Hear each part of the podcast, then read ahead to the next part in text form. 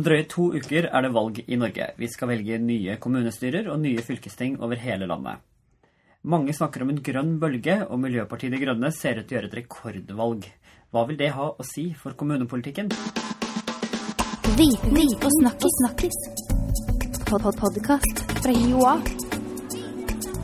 Viten og snakkis. snakkis. Velkommen til episode 15 av denne podkasten fra Høgskolen i Oslo og Akershus. Jeg heter Andreas, og i dag har jeg med meg min navnebror Andreas Ytterstad, som er førsteamanuensis ved journalistutdanninga. Velkommen. Takk skal du ha for det. Du er ekspert på klimajournalistikk og følger debatten om et grønt skifte tett. Du er også en del av debatten. Eh, Men jeg har lyst til å spørre deg aller først. Kan vi i det hele tatt snakke om en grønn bølge i kommunepolitikken? Det tror jeg vi kan gjøre, men jeg tror det er mest et nasjonalt fenomen. Altså Hvis man ser på grønt skifte og omstilling og olje, omstilling og klima Ta sånne søk i Retriever i A-tekst, så ser du at eh, våren 2015 så eksploderer det. Eh, mye mer diskusjon om det enn før. Så debatten om omstilling, også når arbeidsløsheten begynte å bite tak nå eh, over sommeren, har aldri vært på et sånt nivå. Og det nye er ikke at man snakker om omstilling, men at man nesten ikke klarer å snakke om omstilling uten å komme med det grønne skiftet samtidig.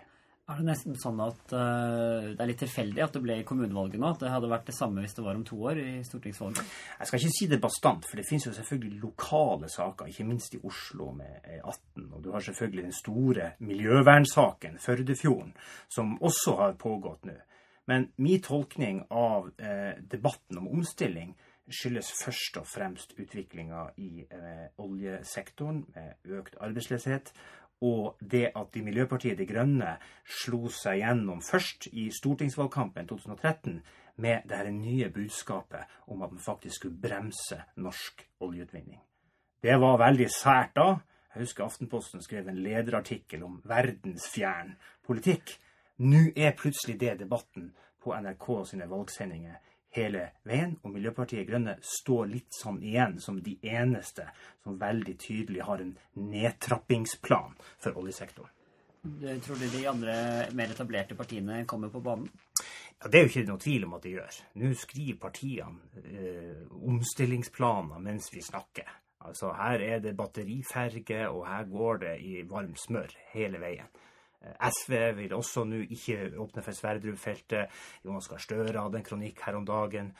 Og Erna Solberg har jo gitt åpninger for oss alle som er opptatt av det her. For hun sier jo helt åpent at vi har kommet for seint. Vi er for seint ute. Vi har snakka omstilling for seint. Sånn at teppet er jo eh, trukket fra eh, debatten om omstilling på en helt annen måte enn før. Du nevner Erna Solberg. Rikspolitikerne de er jo på banen når det er kommunevalg.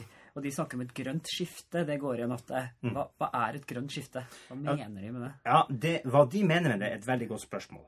Og Det er et moteord, og det betyr forskjellige ting for forskjellige folk. Og jeg syns det var en veldig fremskritt i debatten nå var det på mandag, hvor Solveig Aamodt fra Cicero understreket at et grønt skifte, som er et grønt skifte, ikke bare et prateskifte, er jo et skifte der vi har, får ned klimagassutslippene drastisk, der vi lever mer miljøvennlig.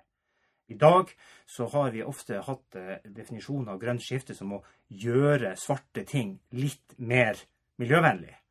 Og man har også definisjoner fra FNs miljøprogram som går på å være ressurseffektiv. Men, men det å skifte fra det fossile brenselstoffet til fornybar, det er jo det et grønt skifte er, hvis man skal ta det på alvor. Og det er noe som ansvarlige politikere på alle politiske nivåer i landet må bidra til. Ja, det er klart de må bidra med det, men det er jo fryktelig vanskelig å, å, å utfordre på en måte tungvektene i norsk politikk eh, om det her. For de vil snakke om grønt skifte, de vil snakke om nye arbeidsplasser, men det skal komme i tillegg til nye letetillatelser i Barentshavet etter mer olje og gass. Vi må ha to tanker i hodet samtidig. Så jeg har vel formulert meg sånn at eh, det landet som ga opphav til Brundtland-rapporten og visjonen om bærekraftig utvikling, det fremstår jo mer og mer nå som verdens dummeste versjon av Ole Brumm. Vi skal både, ja takk, vi skal både bygge landet svart og grønt samtidig. Og det tror jeg rett og slett folk kommer til å avsløre i valget. Og så er det jo et, eh, Valget er et kommunevalg. Mm. Eh, tør du å spå hvordan kommunestyrene ser ut? Det syns jeg er vanskelig å si. Det er klart at I Oslo ser det jo ut til at uh, Miljøpartiet De Grønne gjør det veldig veldig godt. og Det kan godt hende at det er en god del lokale saker som uh, kommer på toppen uh, av det.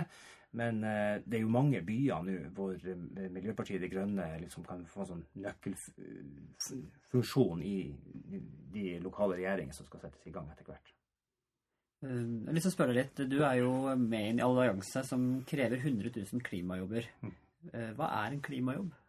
Ja, Det er litt viktig, fordi det finnes ulike definisjoner av hva grønne arbeidsplasser er, og hva klimajobb er. Klimajobb, sånn som jeg ser det, er de arbeidsplassene som vi må ha for å få ned utslippene i Norge. Grønne arbeidsplasser kan være hvilken som helst måte man gjør en eksisterende arbeidsplass mer miljøvennlig på.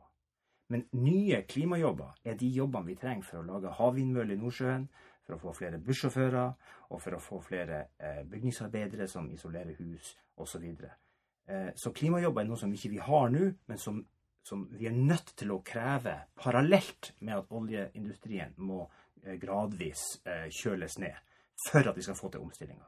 Det går ikke an å snakke om brems oljeutvinning.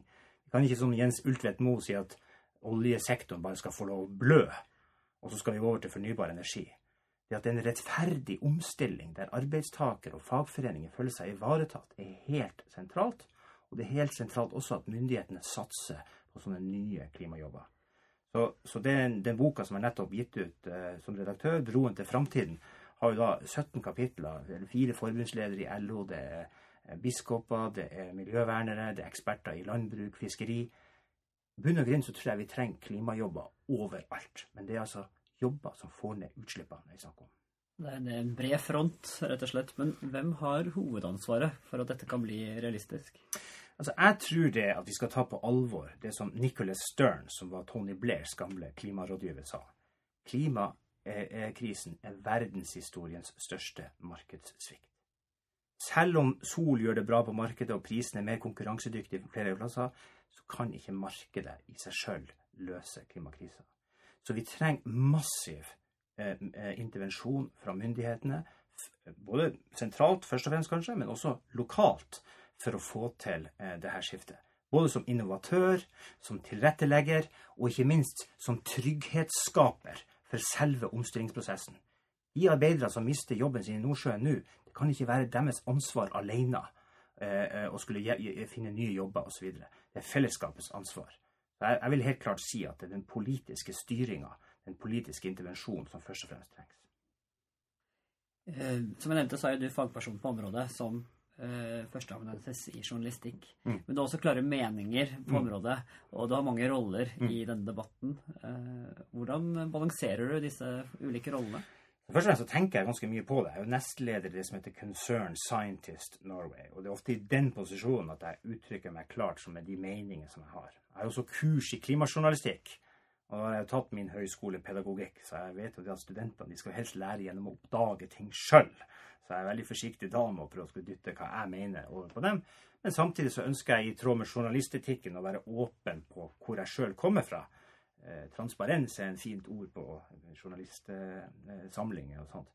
Så jeg prøver å liksom presentere ulike perspektiver, eh, uten selvfølgelig å selge inn eh, mine perspektiver overfor mine studenter, på samme måte som jeg gjør når du spør meg om hva som vi skal, hvordan vi skal omstille Norge. Da svarer jeg liksom mest som concern scientist. Men det, det, det med roller, roller i, i, klimakommunikasjon er et viktig tema. Og, sånt, og ofte så er det det det butter i når folk reagerer på det du sier. Da tror jeg både velgere og kommende kommunepolitikere har fått litt å tenke på. De som vil lese mer om dette temaet, kan jo ta for seg dine to bøker. Siste boka som du nevnte, er 'Broen til framtida'. Og så er det den boka som kom tidligere, som heter 100 000 klimajobber og grønne arbeidsplasser nå. Vi legger ut mer informasjon om disse bøkene på eh, Viten og snakkes-bloggen. Takk for at du var med i dag. Bare hyggelig og veldig hyggelig å bli invitert. Dere som vil sjekke ut flere episoder av Viten og snakkis, kan gjøre det i deres eh, podkast-app eller på blogg joa.no skråstrek viten og snakkis. Takk for at du hørte på. Viten og snakkis. snakkis. Pod-pod-podkast fra Joa. Viten og snakkis. snakkis.